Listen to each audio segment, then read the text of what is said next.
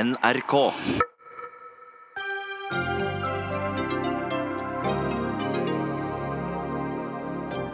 Bør de andre svenske partiene ha samtaler med Sverigedemokraterna?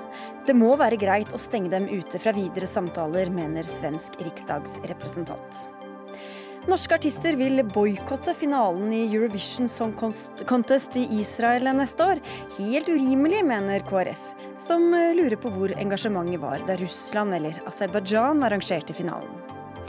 En IT-kyndig grunnskoleelev i Bergen klarte å sende en tullemelding på rektors vegne til 300 mottakere. Kommunens håndtering av det hele er så stygg at det er vanskelig å finne ord, sier IT-ekspert. Og bør vi jakte mer på hval og sel i Norge? Det foreslår Senterpartiets Ola Borten Moe. Hvilken verden lever han i, spør Greenpeace.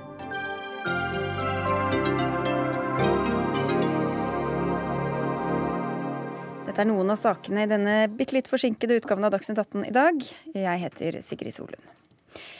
Valget i Sverige er over, men vi er ikke blitt særlig klokere på hvem som skal sitte ved makten der de neste årene. Valgresultatet så langt viser svært jevnt løp mellom blokkene, men én ting er sikkert, Sverigedemokraterna seiler opp som landets tredje største parti. Og politisk kommentator i NRK Magnus Takvam, Sverige våkner opp til det vanskeligste valgresultatet man kunne sett for seg, skriver du i en ytring på nrk.no. Hvilke dilemmaer er det de etablerte partiene står i nå? Det som jo har vært eh, tilfellet, for så vidt som man så også før valget, det er jo at ingen av de to tradisjonelle blokkene har flertall, eller kom til å få flertall i Riksdagen. Eh, og vi har en tredje blokk som utgjøres av Sverigedemokraterna, som eh, skal vi si, låser hele systemet. Det som er den utrolig krevende situasjonen nå, er at det ligger an til at de tre rød-grønne partiene har ett mandat mer enn de fire borgerlige alliansepartiene. Slik at det som foregår i øyeblikket, og det har vært utspill fra de store partiene i løpet av dagen i dag, er en knallhard kamp om skal vi si, legitimiteten bak det å stille som statsministerkandidat fra henholdsvis Löfven, Stefan Löfven, som er statsminister, og Ulf Kristersson, som er eh, alliansens og Moderatenes leder. Og hva konklusjonen på det blir, vet jo selvfølgelig ingen i øyeblikket. Det kan ta ja, en antydet i dag et par måneder før man vet det. Vi skal snakke snart mer om Sverigedemokraterna her. Hva skal til for at de andre partiene skal ta dem inn i varmen og ha samtale med dem? Nei, det må jo være at eh, Moderatene og Kristdemokratene, som er de som ligger nærmest til å gjøre det, eh, gir opp eh, det å holde alliansepartiene samlet. Altså, I dag har disse to partiene, eh, KD og Moderatene, eh, blitt invitert såkalt av Jimmy Åkesson til samtaler, men like fort som han inviterte, avslo de invitasjonen om samtaler. Og Det er selvfølgelig i denne fasen helt umulig for Ulf Kristersson å åpne døra til Sverigedemokraterna. Da vet han at han eh, skyver eh, Senterpartiet og liberalene muligens da over til den andre siden. Så det er egentlig Senterpartiet og liberalerne som på mange måter er på vippen i kampen om regjeringsmakt her. Og presset er etter hvert veldig hardt på dem. Bli med oss videre, Magnus Takva, men nå skal vi til deg, Ali Espati. Du er riksdagsrepresentant for Venstrepartiet, og i en artikkel i Klassekampen så sier du at man ikke skal forhandle med Sverigedemokraterna. Hvorfor ikke? Ja, alltså, först bara konstatera att det får man naturligvis naturligtvis göra om man vill. Utan det, frågan är eh, om man nu har som eh, idé att man vill hålla eh, Sverigedemokraternas politik på avstånd. Då är det ju förstås eh, en annan fråga.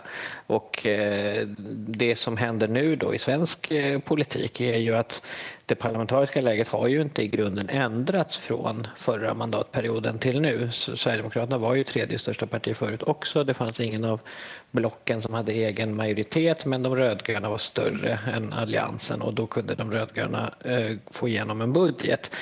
Ändringen är ju att det sker saker inom alliansen, det vill säga att Moderaterna och Kristdemokraterna har närmat sig idén att i praktiken kunna regera med något slags stöd från Sverigedemokraterna om Eh, eh, även om de då blir mindre än de eh, rödgröna. Och det är där diskussionen handlar om. Vad vill borgerligheten vara för sorts höger? Mm. Om de vill säga då att de skulle gå in, så var det precis som vi var inne på här innan, att då får ju framförallt Centern och Liberalerna en extrem legitimitetskris därför att de har antytt och sagt att de inte vill rent politiskt ha med Sverigedemokraterna att göra. Om de då sitter i en regering som faktiskt är beroende av något slags förhandlingar med Sverigedemokraterna, då kommer de att få problem med sina väljare och det tycker jag är rimligt. Mm, men så är det ju så att, eh, att Sverigedemokraterna har fått nesten 18 procent av, eh, av stemmene. Og hva slags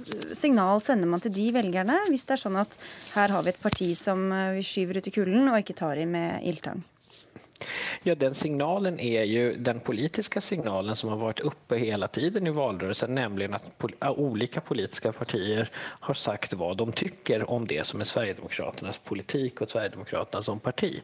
Alltså, vi ska komma ihåg att det är inte en konstitutionell diskussion här. Det ju, ska absolut inte vara så att Sverigedemokraterna eh, har andra mindre rättigheter som riksdagsparti, men det är ju en skyldighet skulle jag säga för de andra partierna, särskilt när de har sagt det i valrörelsen valrörelsen att, att inte ge Sverigedemokraterna ett inflytande över regeringsmakten.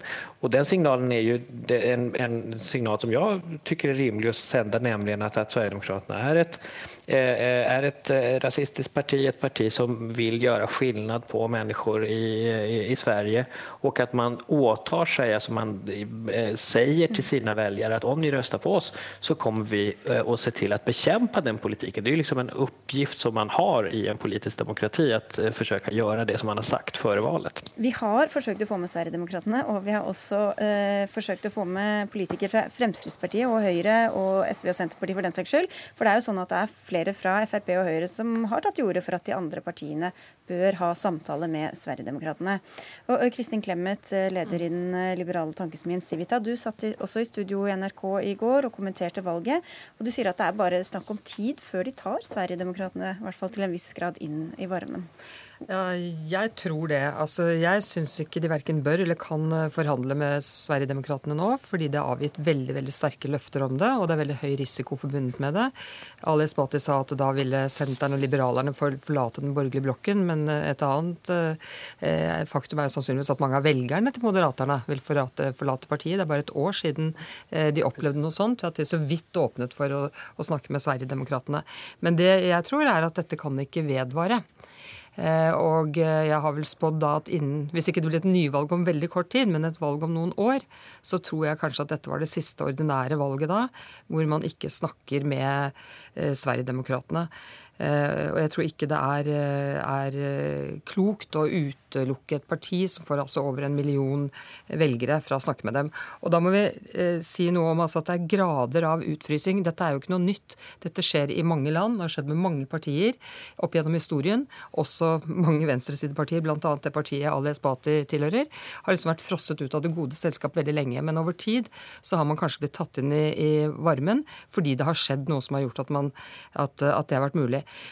og bare la meg si Det er grader av utfrysing. og sånn jeg har forstått det med Sverigedemokraterna, så har den vært ganske kraftig. For man har heller ikke villet samarbeide med Sverigedemokraterna om rent tekniske ting. Liksom om de skulle få ha sine plasser i komiteer, om et slags utbyttingssystem som de har i Riksdagen, som vi har i Stortinget. Eh, han har ikke blitt invitert på Nobelfesten. Altså Det mener jeg er sånne Man kunne tenke seg at man sluttet å håndhilse eller ikke deltok i debatter på fjernsynet sammen. Det mener jeg er å gå veldig, veldig langt.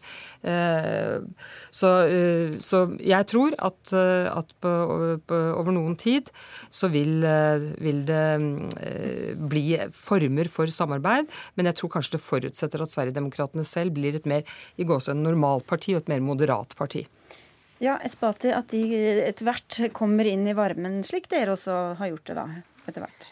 Till slut? Ja, alltså två saker. Jag tror också att det mycket väl kan hända eh, att eh, de eh, svenska högerpartierna eh, närmar sig eh, Sverigedemokraterna. Det är ju någonting som vi har diskuterat politiskt och en väldigt viktig sak som vi ska komma ihåg det är ju att direkt efter förra valet så agerade ju den svenska motsvarigheten till NHO för att så att säga, vinna över Sverigedemokraterna på, över på en, en, en ekonomisk högerpolitik. Och det är väl precis det som är den stora politiska frågan. Är den svenska borgerligheten i likhet med borgerligheten i andra europeiska länder så att säga, beredd att acceptera att uh, samarbeta med ett, ett, ett parti med, med auktoritära högerextrema uh, ståndpunkter för att bygga en majoritet mot, eh, mot höjning av skatterna, mot en förbättring av välfärden eller att man inte då, som det, här, det var viktigt i det här fallet, då, att stoppa välfärdsprofitörerna från att ha sina sugrör i statskassan. Då.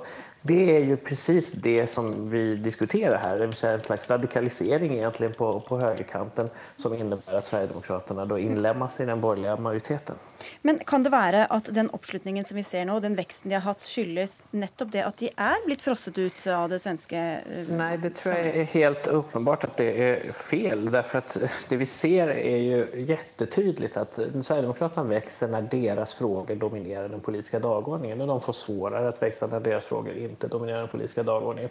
Og det er jo ikke så någonting som de skaper ensamma utan det skapes ikke minst av at de andra eh, stora partierna har eh, velat eh, ta upp de här frågorna nästan som en besatthet. Och vi ser ju det också i slut i den här exitpollen som, som Sveriges Television gjorde, att trots att väljarna har till exempel invandring och brott och straff betydligt lägre ner så har ju det helt dominerat den politiska debatten i Sverige. Och då är det klart att då kommer Sverigedemokraterna att växa och det är inte deras egen, eh, egen aktivitet som är den huvudförklaringen till det utan det är ju de andra politiska partierna, særskilt särskilt de Moderaterna och Socialdemokraterna, inte riktigt har förmått å føre föra en annen type av, av debatt og en annen type jeg, av politikk. Jeg tror man bør spørre seg hvorfor over en million mennesker stemmer på dette partiet eller på lignende partier i andre land. Mm. Eh, og Da tror jeg ikke det er fordi de elsker autoritære ideer, at de er rasister alle sammen, eller at alle elsker populistisk retorikk. Jeg tror det er underliggende bekymringer for reelle fenomener, som er bl.a. knyttet til innvandringer, andre sider ved globaliseringen. Men så er jeg jo enig i at mange av disse partiene har sterkt problematiske sider, særlig Sverigedemokraterna, vil jeg si. Men da bør vi heller sette søkelyset på det. Et godt eksempel var jo denne eh, debatten eh, hvor eh, Jimmy Åkesson kom med nokså merkelige uttalelser om svensker som SVT slo ned på. Men da sto det jo en seks-syv andre partiledere klare til å diskutere dette og sette søkelys på den uttalelsen og ha en kritisk holdning til det. Jeg tror det er mye bedre å bringe dette frem i lyset og, og da bidra til at disse partiene normaliseres og modereres ved at man setter sette søkelys på de kritiske sidene. Men er det da en fare, eller hvordan skal man gjøre det uten at uh, også det som er grumsete, som det er blitt kalt, også normaliseres, og at, at, at hele balansen forskyves? Ja, Mitt inntrykk er jo at uh, Sverigedemokraterna har forsøkt å renske ut en del av de elementene og en del av de standpunktene som har vært veldig problematiske. Det har man sett i mange andre partier også opp gjennom historien. At det blir, man flytter seg håper jeg, litt mot sentrum, blir mer normale, mer moderate og, og får får ut eh, personer som, eh, som, har ekstreme standpunkter eller utfører handlinger som ikke er akseptable. Vi skal få inn deg også, Katrine Motorlevsson, du er forsker ved Senter for ekstremismeforskning. Hvilke erfaringer har vi egentlig fra andre land eh, om eh, hva som skjer enten ved å holde folk og partier ute i kulden, eller å ta dem inn i varmen? Ja, det er litt motstridende forskning på feltet. Altså, noe sier at hvis du ekskluderer dem, så radikaliserer de sin ideologi ytterligere. Men der har egentlig Sverigedemokraterna vist det motsatte. De ble jo utfrosset i 2014, også før det også. men de har holdt en relativt eh, moderat eh, agenda, prøvd å avdemonisere partiet. Samtidig som de også har en mer radikale elementer i, eh, i partiet. Så er det en del forskning som viser at det er en myte at hvis du går fra opposisjon til posisjon, så modererer du deg ideologisk. Og Der er det jo eksempler fra både Ungarn og Østerrike og Nederland hvor rett og slett effekten er at eh, konvensjonelle partier de drar agendaen sin enda mer til eh, ytre høyre. Så de blir påvirket av det. Så smitter på en måte? Ja. ja. Eh, så er det da sånn at ehm, eh, At eh, Skal vi se Jeg prøver å komme på hva jeg skal spørre om. Eh, at, eh, at Sverigedemokraterna har jo nå fått 18 som jeg nevnte. hvem er disse velgerne, og hvor er det de har tatt velgere fra? Hvilke andre partier har de tatt det fra? De har tatt både fra sosialdemokraterne og moderaterne, men de er også veldig lojale velgere. Så veldig mange av de som stemte på de for fire år siden, stemte på dem i år. Og eh, Hovedkjernevelgeren er eh, mann og lavere utdannet og bor utenfor de urbane strøkene. Men også her har de fått noe opp, økende oppslutning blant eh, kvinner. Og det som forener disse velgerne, er jo da skepsis mot innvandring spesielt. Magnus Takvam, denne, det er mange som sammenligner situasjonen i Sverige med den vi hadde i Norge tidligere, selv om Sverigedemokraterna og Frp er to ulike partier. Er det også stemmer i Sverige, eller hvilke stemmer i Sverige er det eventuelt som tar til orde for å, å normalisere Sverigedemokraterna på samme måte som Frp? Altså, det er eh, en god del personer både i Kristdemokratene og i Moderatene, og også blant eh, deres eh, velgere, som er åpne for til og med et regjeringssamarbeid med Sverigedemokraterna. Så internt i disse partiene så har oppfatningene flyttet seg. Det vi kan minne om, er at Moderatene tidligere, under Fredrik Reinfeldt, hadde jo som en helt annen strategi å møte Sverigedemokraterna og den såkalte høyrepopulismen med, som dagens leder Ulf Kristersson helt åpent har sagt var feil. Eh, det Reinfeldt forsøkte ved sin skal vi si, isolering og kamp mot Sverigedemokraterna, det var for å unngå en dansk situasjon der han mente at Moderatene risikerte å miste hegemoniet på høyresiden dersom de tilpasset seg eh, det høyrepopulistiske partiet. Sånn at Mye av eh, problemene for Moderatene og Sosialdemokratene nå tror jeg er at velgerne ser at de på den ene siden har adoptert mye av politikken til eh, Sverigedemokraterna når det gjelder innvandring og kamp mot kriminalitet, i hvert fall til en viss grad, men samtidig har en veldig høy retorikk mot, mot dem i verdispørsmål. Og det er en problematisk miks, så å si, for mange av eh, de tidligere velgerne til disse to partiene. Jeg tror at det er en del nye spørsmål som helt åpenbart opptar velgerne. Det er ikke så nye lenger heller. Det er sånn som klima og innvandring. Jeg tror det er veldig vanskelig å se for seg at vi ikke har partier som er spesielt opptatt av klima eller spesielt opptatt av innvandring. Og hvis man aldri gir et sånt parti innflytelse, så tror jeg det kommer til å tyte ut på en annen måte. Enten ved at de etablerte partiene må ta på seg mye mer av den politikken, eller at det dukker opp andre, mindre problematiske da, innvandringskritiske partier som kanskje ikke har den typen fortid som Sverigedemokraterna har. Ja, så er det mange som spør seg hvor genuin den transformasjonen til Sverigedemokraterna er. fordi det er jo stadig vekk skandaler knyttet til rasisme blant valgbare partimedlemmer. Så det er jo et problem de fremdeles har. Men så ser vi også at de kommunene hvor de har gjort det best, er vel også der hvor de har la, altså ikke så mange innvandrere i, i kommunene. Hvordan forklarer du det? Det er et kjent fenomen at eh, fremmedfrykt ofte er sterkest i steder som ikke er eh, så mangfoldige. Så du kan gjerne ha helt eh, hvite svenske småbyer hvor det ikke er så stort mangfold, men hvor frykten likevel er høy. Og På onsdag kommer det altså opptellingen fra de utenlandske stemmene. Magnus Takvam, hva vet vi om hvordan det vanligvis pleier å slå ut? Ja, de som er valgeksperter her, sier at det historisk så å si, har kunnet flyttet et par desimaler når det gjelder f.eks. sosialdemokratenes oppslutning nedover. sånn at det er, det er, små justeringer. Det har vært tilfeller der ett mandat har byttet eh, plass eh, i og med disse siste stemmene som, som, du spør om. Og siden det da er bare ett mandat som skiller mellom de to blokkene, så får vi en ganske spennende dag på onsdag også, når, når vi får svaret på det. Fortsatt mye å snakke om. Takk skal dere ha, i hvert fall enn så lenge, alle sammen. Magnus Takvam, Ali Espati fra Venstrepartiet, Kristin Clemet fra Civita og Katrine Moe Torleifsson fra Senter for ekstremismeforskning. Dagsnytt 18 alle hverdager klokka 18 på NRK P2 og NRK2.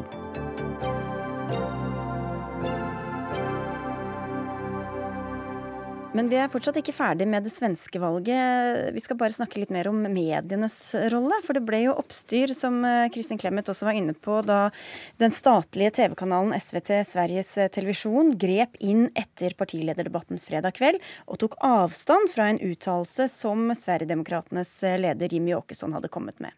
Nå svarer Sverigedemokraterna med å anmelde SVT til det svenske medietilsynet. Jurist ved den svenske granskningsnemnden for presse, radio og TV, Anga Dinger, Birgits bekrefter til Dagsnytt 18 nå i ettermiddag at anmeldelsen er kommet.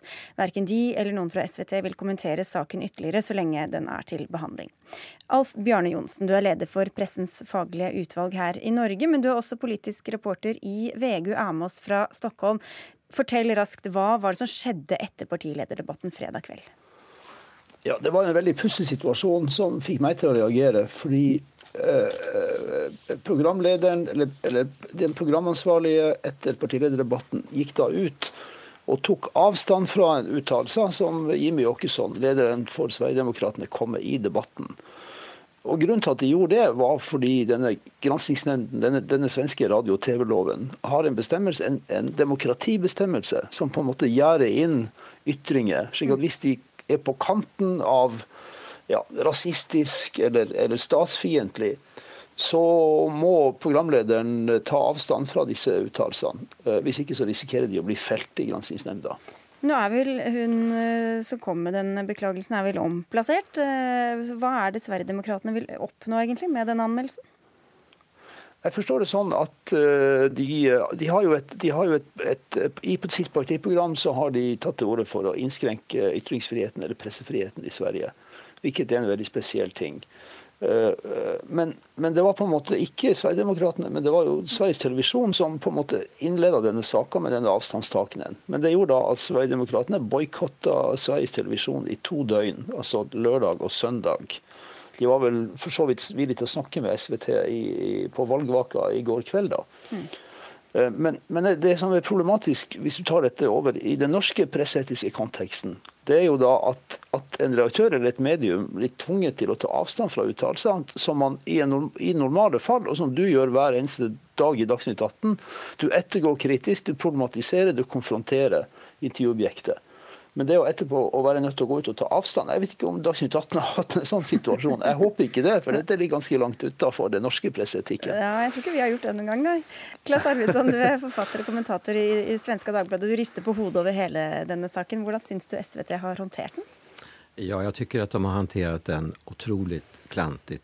Det er en slags katastrof som får tyvärr veldig negative effekter därför att eh, vid av den pressetiska diskussionen så pågår det nu en diskussion på nätet om sånt som handlar om att eh, valfusk och den typen av diskurs, om man säger så. Och, eh, eh, det är någonting som ytterligare liksom bekräftar den världsbild eller den mediaskepsis som finns bland eh, SDs eh, medlemmer mm. og anhengere. Men hvis dette er eh, De er blitt felt tidligere, det er en del av loven at, skal, at, de skal vurdere dette. Hvor unikt er det at det egentlig skjer?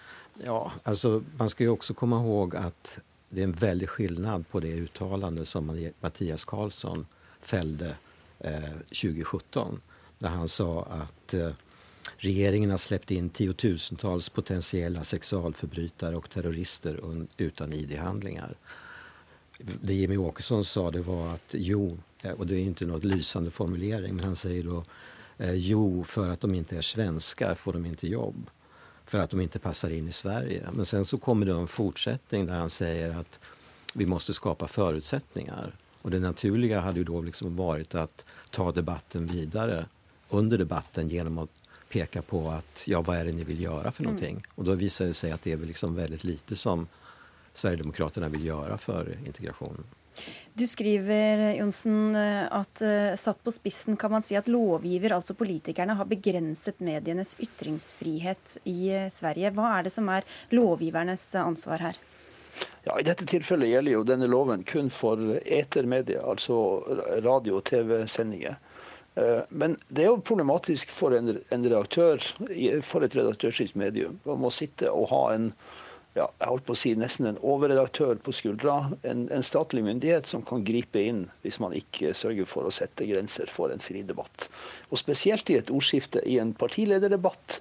For Hele poenget med en partilederdebatt opp mot et valg er jo er jo konfrontasjon og kontradiksjon, slik at velgerne skal kunne skille mellom partiene og, og skille mellom den, den, politikken de har. Så Det er det jeg mener er det prinsipielt problematiske. Og da får jeg si at Heldigvis i Norge har vi en presseetikk som styres av bransjen selv. Så vi har en selvregulerende ordning. Mens i Sverige har da eh, radio og TV er underlagt en lov og en statlig oppnevnt granskingsnemnd. Så Det er det jeg mener er det problematiske, og som, som jeg håper svenske politikere og svenske mediefolk kan bli enige om at dette, hører, dette bør på historiens skraphaug. Vi hører med deg, Arvidsson, du jobber jo i Svenska Dagbladet. Hvordan har dere og andre medier i Sverige Hvilken standpunkt, hvilket standpunkt har dere tatt til, til hvordan SVT har håndtert dette? Den har vært overlag negativ. Ja. Og det, men man skal jo også komme ihåg at det er en utrolig skillnad på et uttalande som fälls i en nyhetssending og den viktigste partilederdebatten i en hel valrørelse. Men hvordan vurderer du de presseetiske skillnadene mellom Sverige og Norge? Alltså jeg kan jo holde med om at denne formuleringen, som låter veldig bra, nå viser seg lede til negative konsekvenser. Så dette bør lyftes fram og diskuteres og eventuelt endres. Ja, kan den stå for fall, Johnsen? Jeg har forstått det sånn at det nå har gått en diskusjon og det ligger et forslag i det svenske kulturdepartementet om å lage en felles etisk ordning for samtlige medier, slik vi har i Norge med, med Varsom-plakaten og Pressens faglige utvalg. Så jeg er jeg litt usikker på om, om akkurat den lovbestemmelsen står for fall. For Sverige har, så vidt jeg forstår, Eh, i sin lovgivning 18 ulike grupper hvor, hvor man har begrensa ytringsfriheten i det offentlige rom. Ikke bare overfor media, men, men, men generelt. Og jeg har, ikke, jeg har, ikke, hørt at den står under debatt nå. Mm. Men da kan vi kanskje Arvidsson, for en gangs skyld se 'Look to Norway' for svenskene? Gjerne det. Takk skal dere ha begge to, Klas Arvidsson fra Svenska Dagbladet og Alf Bjørn Johnsen, leder i Pressens faglige utvalg.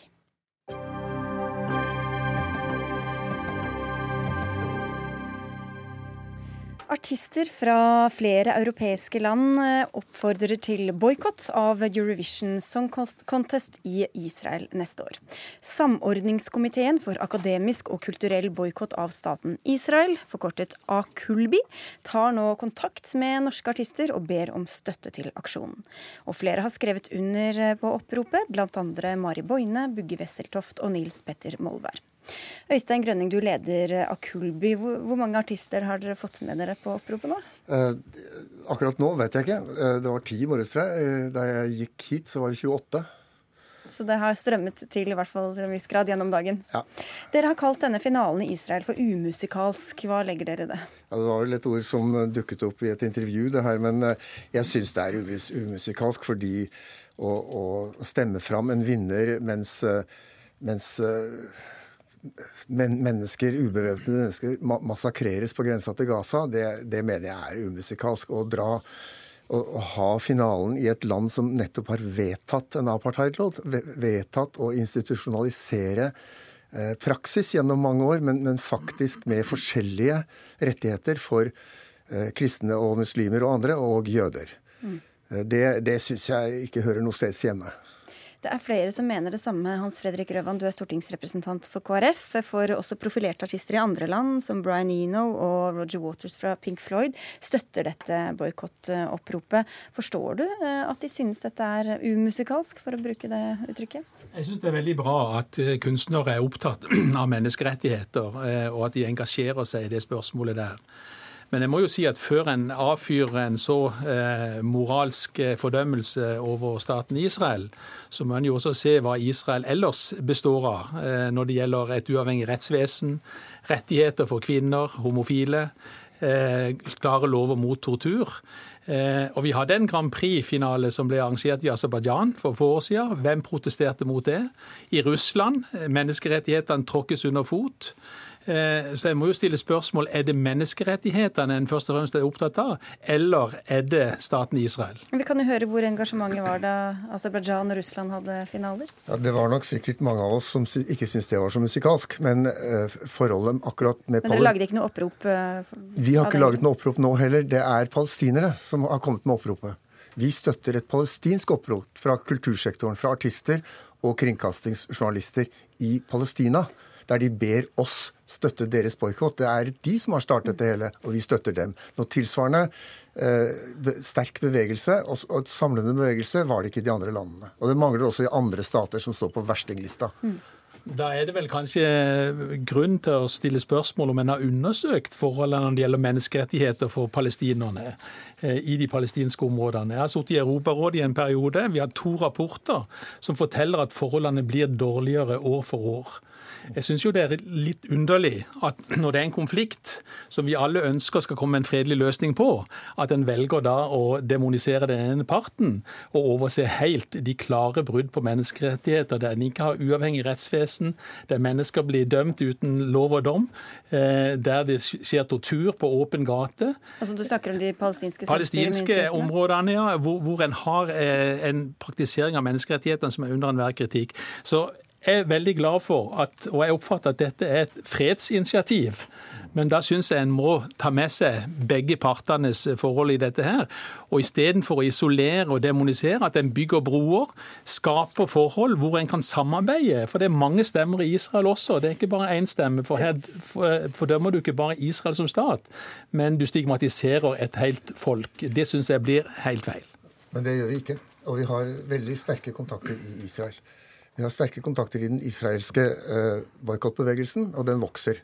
Eh, og, og, og, dette er jo, Her er det artister òg som oppfordrer til boikott, så det er ikke riktig at vi ikke har eh, kontakter i Israel, eller at vi fordømmer et helt folk. Det vi fordømmer, er en okkupasjon som pågår på over 50. året og, og, og, en undertrykking av et folk. Jeg har masse venner av palestinere som er blitt torturert, så hva de sier i lovene og hva de gjør i praksis, det er to helt forskjellige ting. Men dette er jo en klassisk konflikt når det kommer til akademiske og kulturelle boikottspørsmål. sant? Fordi det er jo ikke nødvendigvis de største Eurovision-tilhengerne som er de mest lojale støttespillerne til israelsk politikk. Så hvorfor er det gunstig å blande disse kortene jeg, jeg, mener at vi ikke blander kortene. Jeg mener tvert imot at uh, dette er et, et uh, gigantisk reklamejippo og kommer til å bli det for Israel. Og det var jo Altså Netanyahu, det er jo interessant, om ikke nødvendigvis avgjørende, var raskt ute med å utrope Grand Prix-vinneren til Israels beste ambassadør. De bruker alltid kunst og kultur for å hvitvaske, som vi kaller det, eller pinkvaske, eller hva det nå måtte være,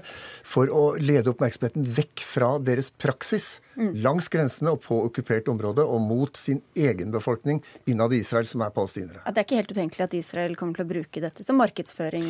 For Nei da, det vil jeg absolutt ikke se bort ifra. Men, men jeg syns jo en, når, en, når en vurderer boikott i dette tilfellet her, have. Så, og sier at en er opptatt av menneskerettigheter, så må en også se på brudd på menneskerettigheter ellers. Jo, men det går, det går jo an å tenke på to ting. jeg skulle holdt på å si, bruke det forslitte uttrykket, ha to tanker i hodet på en gang. Men altså, hvordan skal man Man kan jo være kritisk til palestinske selvstyremyndigheter og være kritisk til israelske myndigheter eh, også. Hvordan skal norske kunstnere eller andre protestere, om ikke det er gjennom sånne type aksjoner?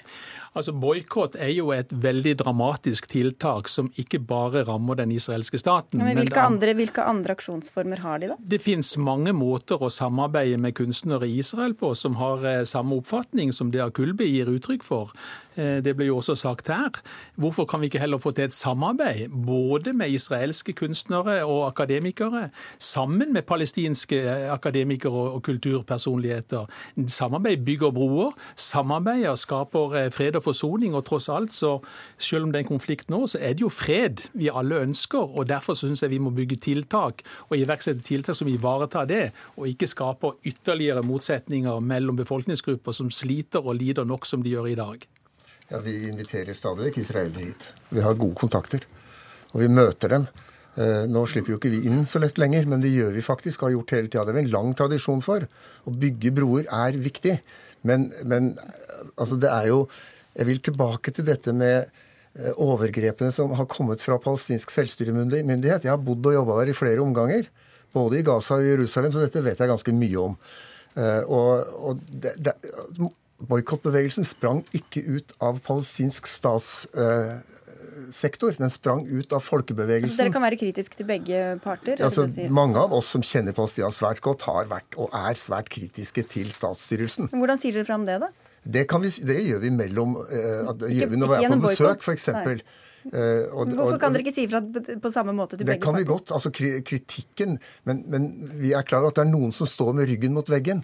Det er noen som står med ryggen mot veggen, så du skal passe litt på hvordan du velger å, å gå ut. Å gå ut og stemple dem for all verden er, er, et skudd i blinde. Men jeg skal bare, sånn logisk sett, så, man, så, lenge Israel er med i Eurovision, så kan det hende at de vinner. Så egentlig det du sier, er jo at de ikke burde være med da, i denne konkurransen. Så Sist jeg sjekka et kart, så ligger ikke Israel i Europa. Men Det er jo ikke Australia. Nei, det gjør det heller ikke. Det er for så vidt riktig. Men, eh, men, eh, men altså, vi, vi, er nødt til å se litt på hva slags styre er det vi vil ha. og Hvis vi går til den, den lovgivningen som nå nettopp er blitt vedtatt der nede, så er vi i tjukkeste Sør-Afrika under verste apartheid eh, med den nye lovgivningen. Og det, det, er eh, Altså, jeg tviler litt på om vi hadde tatt med dem plutselig den gangen det skjedde. Så det blir ikke noe Grand Prix-fest eh, på deg neste år? Det blir det nok ikke. Nei. Men du skal sitte hjemme og se på? Ja, jeg skal uh, se på det, kanskje. Det vet jeg ikke. Men jeg syns jo dette blir en veldig ensidig måte å reagere på når konflikten er såpass sammensatt uh, og vi har et, sånt bilde av situasjonen. Akulby står i en sammenheng som uh, står sammen med DBS-bevegelsen i verden i dag. Og det oppfattes faktisk ikke bare som et angrep og en protest mot Israel som stat, men også som et, en del av en antisemittisme som gjør at veldig mange reagerer okay. i dag. og nye nazistiske bevegelser. Okay, da, da, skal du få svare helt Dette kort på det. Her kommer det interessante, her kommer interessante eh, angrep. Eh, vi støtter oss på den store eh, jødiske boikottbevegelsen i USA, som er palestinernes viktigste internasjonale allierte i BDS-kampanjene. Jewish Voice for Peace. Så vi avviser enhver, ethvert forsøk med å beskylde oss for, for å være antisemitter. Da bør du se litt hvilke venner du har rundt omkring i verden. Ok, Det får bli siste ord. Takk skal dere ha begge to, eh, Hans Fredrik Grøvan fra KrF og Øystein Grønning, som altså er leder av Akulbi. Hør Dagsnytt 18 når du vil. Radio NRK.no.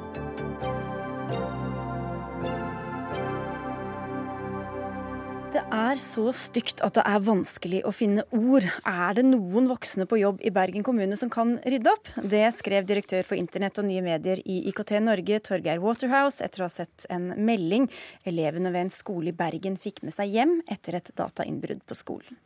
En medelev hadde klart å hacke seg inn på skolens undervisningssystem og sendt en tullemelding i rektors navn. Den samme eleven varslet i mai om at datasikkerheten var dårlig, men da grep ikke kommunen fatt i saken og Torgeir Waterhouse. Du har altså skrevet to krasse innlegg om dette i eh, Medier24. Hva var det ved denne saken som gjorde deg så opprørt? Ja, det, det, handler jo først og fremst om, om, hele det lange bildet her. Altså Det ene er at det er sikkerhetsviktige systemer og bruk av systemer. Det oppdager vi hele tiden, og det er viktig at det oppdages. Og Her har en barneskoleelev oppdaget det og varslet. Så har rektor ved skolen varslet kommunen eh, og i mai. Og det har ikke skjedd noe, eller i hvert fall ikke skjedd nok til å stoppe eller tette hullet. Så, når denne eleven kommer tilbake på skolen ifølge det som er ute i det offentlige rom, og, og, bruker tilgangen som er der og Det er ikke noe tvil om at det skulle ikke vedkommende ha gjort, men det har altså vedkommende barn gjort. Så kommer den ganske vanlige reaksjonsformen. Man skylder på alle andre. og Vi ser jo i, i bl.a. en av sakene som NRK Hordaland har publisert, at uh, man skylder på eleven, skylder på de ansatte som ikke har endret passord, skylder på systemet. Og så at the end of the day så er det at man altså ikke selv har fulgt av barsel i mai, som er det store problemet her. Så den, den tilnærmende massive tilnærmingen med å peke så til de grader mot eleven, i sum gjennom alt som er ute, er sterkt problematisk, og det trekker også oppmerksomheten bort fra det grunnleggende problemet her. Mm. Trine Samuelsberg, du er kommunaldirektør for barnehage, skole og idrett i Bergen kommune, og det er ditt navn som figurerer i mediene og i pressemeldinger. Hvorfor var dere ikke tydeligere på at dette handlet om systemsvikt og ikke ett enkelt barns handlinger? Mm. Først og fremst vil jeg si at nå har vi fulgt kritikken med stor interesse. Jeg er glad for å kunne være i, bli belyst kritisk og være i den dialogen. Vi står i en brytningstid der uh, digital og sikkerhet og IKT-sikkerhet er utrolig viktig. Og det er også noe vi som Bergen kommune ønsker å ta på største alvor.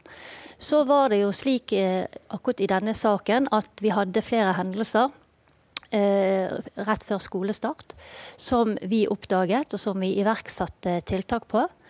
Eh, og håndterte som eh, innbrudd. Det var eh, snakk om at personsensitive data for mer enn 35 000 mennesker var eksponert.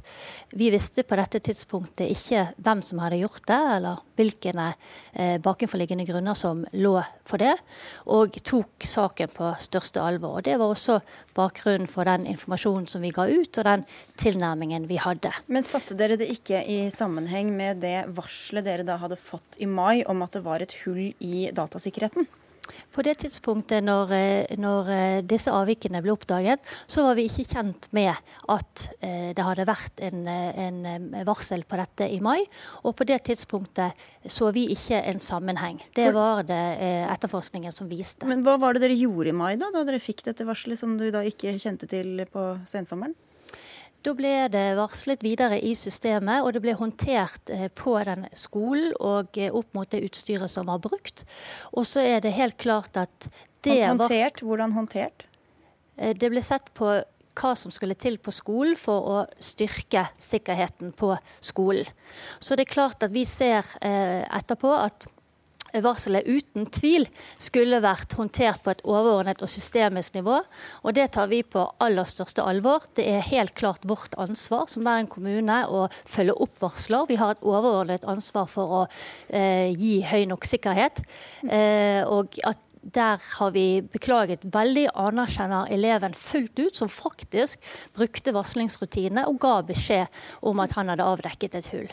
Torgeir Waterhouse, du, jeg siterte deg på at det er så stygt at det er vanskelig å finne ord. Men hva er det som er så stygt utover at det ikke fulgte opp godt nok da i mai, eh, da varselet kom? Det er den, den massive, det massive trykket som er der, eh, hvor kommunen på mange forskjellige vis sier at det er noen andre som har skyld i dette. Eh, og på ingen måte i tilstrekkelig grad viser til at dette er kommunens egen feil. Nå er jeg veldig glad for det vi får høre her nå, at man tar, tar ansvar og sier at dette skulle vi fulgt opp i mai. Og det er veldig viktig.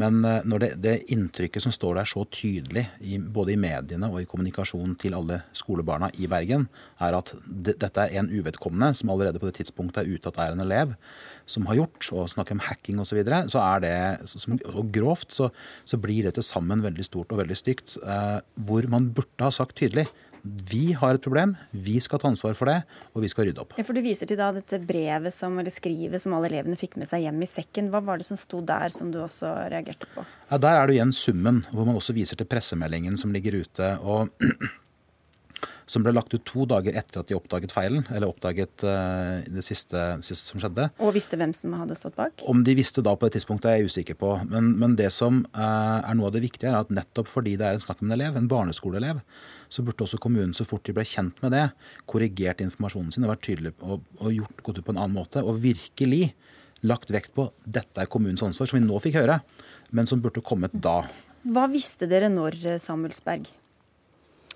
Eh, når pressemeldingen gikk ut, så var vi ikke klar over sammenhengen mellom sakene eller hvem som sto bak eh, dette avviket som vi hadde avdekket. Vi har et selvstendig ansvar for å sikre at de som har vært eh, gjenstand for å få sin personinformasjon eksponert, får en melding om det. Der er det en 72-timers regel, og det var vi opptatt av å få ut informasjon til alle som var berørt, og omgivelsene for øvrig. Og være åpen på det som eh, hadde skjedd i Bergen kommune. Men da dere, visste, da dere sendte dette brevet, eller da skolen sendte brevet, visste dere da hvem som sto bak?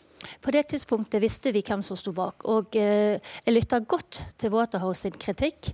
Eh, her må vi jobbe klokt og lære hele tiden. Vi er, står i en brytningstid og har mye å lære når det gjelder dette. Men, lytter, men, er du enig i at eh, her ble det lagt veldig mye skyld på én person som kanskje ikke skulle ligget der, i det brevet? Jeg forstår at Waterhouse leser det på den måten, og eh, det tar jeg til etterretning. Det var ikke vår intensjon. For oss har det hele tiden vært viktig å verne om eleven. Eh, derfor har vi gått, valgt å ikke gå ut med informasjon om hvem dette var. Eh, selv om politiet valgte noe annet, så er det viktig for oss å ivareta vernet av eleven, en ung elev.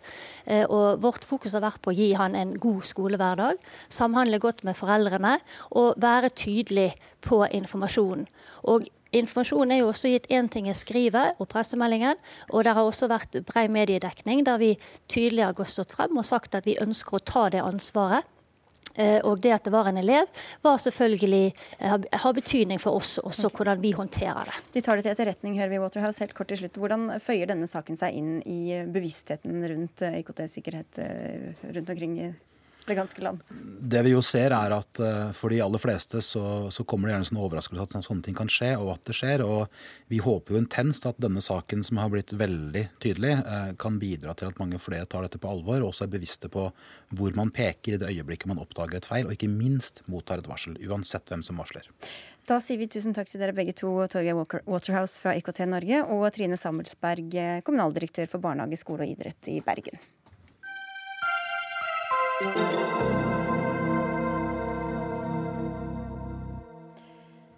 To år siden eh, folkeavstemninga i 2016 har det vært knyttet spenning til hva slags avtale britene vil få med EU når de forlater unionen. Ja, hvis de i det hele tatt får noen avtale. Det har det nemlig ikke vært noen garanti for, men i dag sa EUs eh, sjefforhandler Michel Barnier at han ser det som sannsynlig at en avtale kommer på plass innen seks til åtte uker. Ulf Sverdrup, direktør ved Norsk utenrikspolitisk institutt. Hva ønsker han å oppnå med at han eh, ser eh, enden på forhandlingene, og at det kan ligge en avtale der? Jeg vet ikke om det var det, helt det han sa. nei, nei, er for å korrigere. Nei, ja, han sa at han tror det er mulig å, å, å få en avtale mellom partene. Men hvis partene opptrer realistisk, og hva annet kan han si? Nå er det ca. seks måneder igjen til britene går ut, eh, eller skal gå ut av EU og de har veldig dårlig tid. Men det han sier egentlig er at det er ingenting i veien i forhandlingsopplegget for at partene skal klare å bli enige. Planen er at de skal bli enige sannsynligvis innen november. Og så skal dette ratifiseres da, av, i Storbritannia og i EU etterpå. Og da kan man ha en organisert brexit når det går ut i slutten av mars. 2019. Men hvorfor sier han det noe om det i det hele tatt? Ja, det er fordi at det er ganske stor altså, uh, Theresa May har sagt ganske hyppig at no deal uh, er bedre enn en bad deal. Så det åpner opp for muligheten for å gå ut uten noen som helst avtale. Og Barnier var selv i Tyskland for en ukes tid siden. Og slik jeg har forstått det, så har han sagt at eh, også EU-siden må planlegge for at det ikke blir noen avtale. Sånn at dette med at Storbritannia kan gå ut av EU uten noen som helst avtale om vilkårene for utredelse, det er faktisk et ikke usannsynlig scenario. Og det han sier i dag, da, sier, hør nå her, vi har fortsatt tid til å få til en avtale hvis partene opptrer ansvarlig. Og hvis de ikke blir enige, da? Ja, hvis de Uh, ja, det, uh, det, har utløst veldig mange konsekvenser. Uh, kort fortalt da, så går man jo ut, ut av EU uten noen avtale om selve skilsmissen, vilkårene for hvordan man skal tre ut av Og man har heller ingen avtale om hva som skal gjelde i tiden fremover. Og da må man gå tilbake til gamle internasjonale avtaler som kan regulere handel. Men Storbritannia har publisert masse forskjellige studier om, om hva, vilkår, hva, som vil være effektene. Og de tror jeg alle er enige om at de vil være store og, og betydelige, både økonomiske og politiske. Hvis de nå klarer å få til en avtale da innen de neste ukene og månedene, hvor omfattende og langvarig kommer den da til å være? Ja, så Det er tre spørsmål her. Det første er, kan jeg si, skilsmissen. Vilkårene for å tre ut av det. Og Da er, har det vært spørsmål om hva skal være rettighetene til borgere i EU og tilsvarende nei, i Storbritannia, og tilsvarende rettigheter for briter i EU. Det er avklart. Det andre er jo rettigheten om, eh, spørsmålet om hvilke type finansielle forpliktelser britene allerede har påtatt seg, om de vil stå ved de. Og det er også avklart. Uh, og så en del andre småting. Men det er ett sentralt spørsmål som står igjen, og det er spørsmålet om hvilken grense skal man ha i Nord-Irland. Uh, så det er egentlig det er man nesten ferdig med, bortsett fra dette Irland-spørsmålet. Mm. Det andre biten eh, er at man er blitt enige om at når Storbritannia går ut i slutten av mars 2019, så skal de opptre som om de er EU-medlem til utgangen av 2020. Det er det som heter overgangsperioden. Eh, det er man også enige om. Og det tredje elementet er jo en diskusjon om hvilken fremtidig avtale Storbritannia skal ha med EU. Der står partene langt fra hverandre. Så jeg tror uh, det som ligger og er ganske nær med å bli ferdig, er vilkårene for utredelse. Og likedan denne avtalen overgangstid, mens denne fremtidige avtalen ligger litt mer frem i tiden. Hva slags, eh, Du nevnte Theresa May. Hva slags press eh, ligger på henne nå, også nå når han har sagt dette, at det, at det kan komme en avtale? Minnet dem om at det, det, i hvert fall bør komme på plass? Ja, Det som har skjedd, da, er jo at Storbritannia har egentlig holdt på i lang tid uten å ville si eller uten å egentlig komme noe selv EU i møte. Eh, og så i sommer så la hun frem en sånn checkers-plan som gjorde at regjeringene gikk litt i oppløsning eller mista noen av og du kan si, Hun vil nok si at hun har strekt seg ganske langt og gått i retning av EU. EU vil si at ja, nei, du har kommet oss noe i møte, men du må gå litt lengre. Det som har vist seg, er at Theresa May har sannsynligvis gått så langt som hun kan gå. Hun har ikke noe mer å gå på. Ja, innenrikspolitisk. innenrikspolitisk. Mm. Så det er en veldig vanskelig situasjon. Så EU må på en måte tenkes Kan de gi noe mer til henne for å berge Theresa May nå? Uh, og Derfor så er sondringa innad i EU uh, om dette. Og de skal ha et møte 20.9 for å se på om de kan gi henne noe mer. Jeg tror det er veldig lite. Mm. Veldig lite. Så, uh, så, dette ligger også å strukturere forhandlingene. fordi at det er ikke bare å utsette og kjøpe seg mer tid, fordi man vet ikke om britene vil kunne gi noe særlig mer. Jeg tror vi bare må si at vi ses om noen uker igjen. Jeg, Takk skal du ha for at Takk du kom.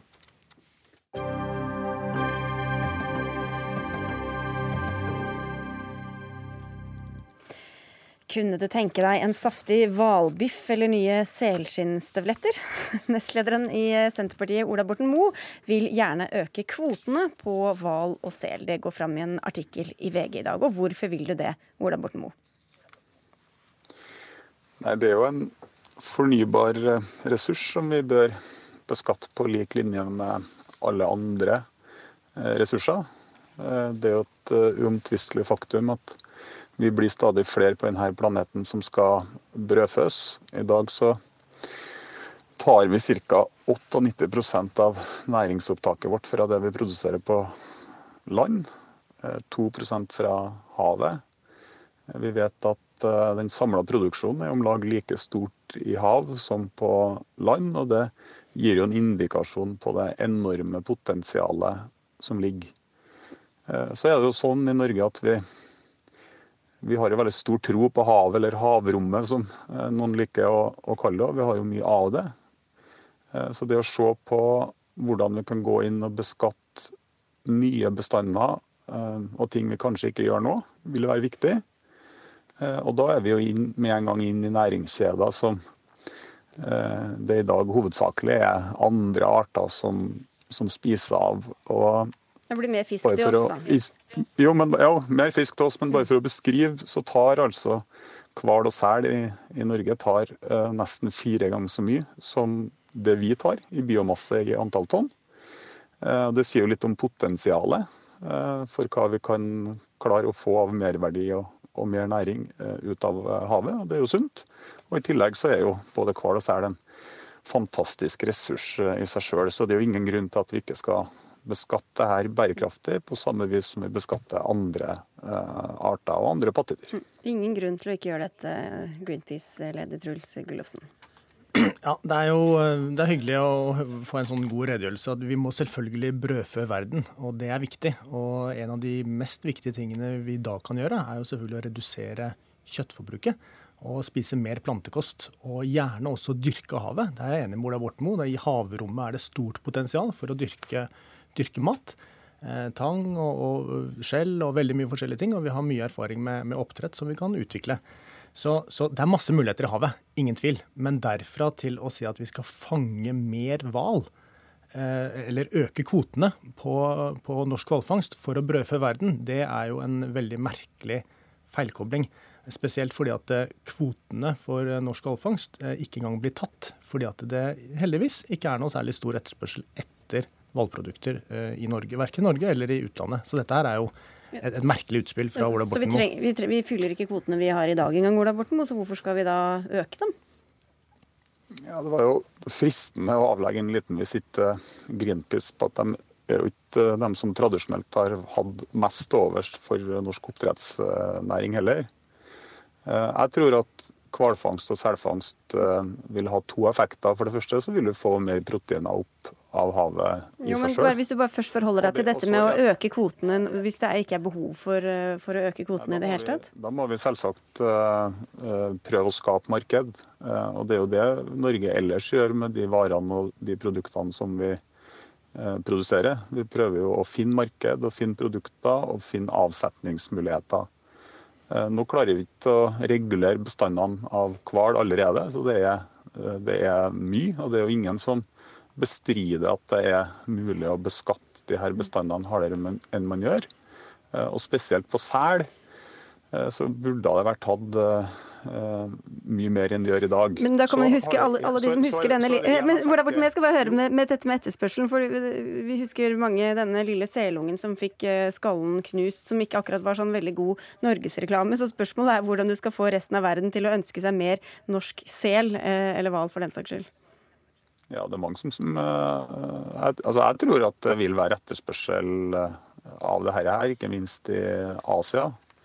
Eh, Og så har det jo ikke vært et politisk eh, klima, kanskje ikke i Norge og definitivt ikke globalt, for å sette dette spørsmålet på dagsorden. Det syns jeg definitivt at vi skal gjøre fremover. Det er også et viktig prinsipp. Det er et viktig prinsipp at vi skal kunne beskatte alle våre naturressurser, alle våre bestander på, en, på bærekraftig vis, og at vår virkelighet ikke defineres av hva Disney eller Greenpeace eller andre måtte mene om norsk hvalfangst og selfangst på prinsipielt grunnlag. Men så er det det andre poenget, og det er minst like viktig. Og det er jo at eh, regulerte bestander på hval og sel vil jo muliggjøre større uttak av andre eh, arter i næringskjeden. F.eks. For eksempel så går det nå en diskusjon om vi skal ta ut noe som heter rødåte i større grad enn nå, Ja. som er et lite krepsdyr. Vi må slippe det til er Gullofsen her store også. volum og store verdier, potensielt. Ja, ok, så det er, En ting er jo liksom hva vi skulle ønske det var etterspørsel etter, men hvorfor er det ikke fornuftig Gullofsen, å gjøre dette når vi skal spise mindre kjøtt, og vi vet at det er eh, masse hval, eh, i hvert fall enkelte arter osv.? Altså Det overordna er jo at Norge var en av de nasjonene i verden som er ansvarlig for å utrydde nesten alle de store hvalartene fra jordens overflate gjennom et massivt overfangst, særlig i det ikke Nå er det ikke sånn. Akkurat vågehval er en bestand på et akseptabelt nivå, og det er veldig bra. Eh, Men likevel så er det et internasjonalt forbud mot kommersiell hvalfangst, som Norge har valgt å holde seg utenfor. Eh, Som ingen lager noen store problemer av, så lenge man har relativt eh, små kvoter og ikke engang tar de kvotene. Så dette holder vi på med til de som holder på med det, eh, ikke er interessert lenger. Og det går bare nedover, og det er helt greit. Så har jeg tenkt sånn, hvorfor kommer Ola Borten Moe med dette her utspillet nå? Og jeg tror det er en slags sånn vanlig form for norsk kystpopulisme. Man vil ønsker å vise at man er kystens mann, og så, og så kjører man på med å være tilhenger av mer hvalfangst. Og det er jo en god norsk tradisjon. Men det tar, mister jo fokus på det virkelig store problemet eller utfordringen på kysten. Altså Vi lander fisk for 18 milliarder kroner i året. Og har nesten ingen verdiskapning på land, fordi at det er elendig politikk rundt det. Og Hvis Ola Borten Moe ville forsvare kysten, så hadde jo det vært en mye mer spennende diskusjon. Ja, Det var en litt annen diskusjon, Ola Borten Moe. Du kan få kvittere den ut ganske raskt. Ja, Det provoserer meg litt at vi ikke skal kunne eh, diskutere hval og selfangst uten at man med en gang trekker motivene i tvil. Eh, Jeg vil hevde at eh, eller ikke bare hevde, jeg mener veldig sterkt at det er et viktig overordna prinsipp for Norge, ikke bare på hval og, og sel, men også på alle andre naturressursene våre. At vi har både rett og delvis plikt til å forvalte dem på skikkelig vis og på bærekraftig vis. Og jeg er enig med Gullofsen i at vi definitivt ikke skal gjenta den historien vi hadde på 30-tallet og utover, der vi overbeskatta bestandene. Men det å regulere dem eh, og sørge for at eh, vi kan ta ut det overskuddet som naturen har å by på, også når det er hval og sel, er utrolig viktig. Og det gjøres, også for å bevare legitimiteten knytta til at vi skal gjøre det på alle andre arter sånn som vi gjør, og sånn som vi lever av. Ok, eh, vi tror vi må avslutte der, eh, med en bitte liten enighet i hvert fall. Takk skal dere ha, Truls Gullofsen fra Greenpeace Norge og Ola Borten Moe, nestleder i Senterpartiet. Dagsnytt 18 eh, er tomme for tid. Det var Jarand Ree Mikkelsen som var ansvarlig for sendinga. Teknisk eh, ansvarlig var Elisabeth Sellereite. Jeg heter Sigrid Solund og ønsker en fin kveld og høres og ses igjen i morgen.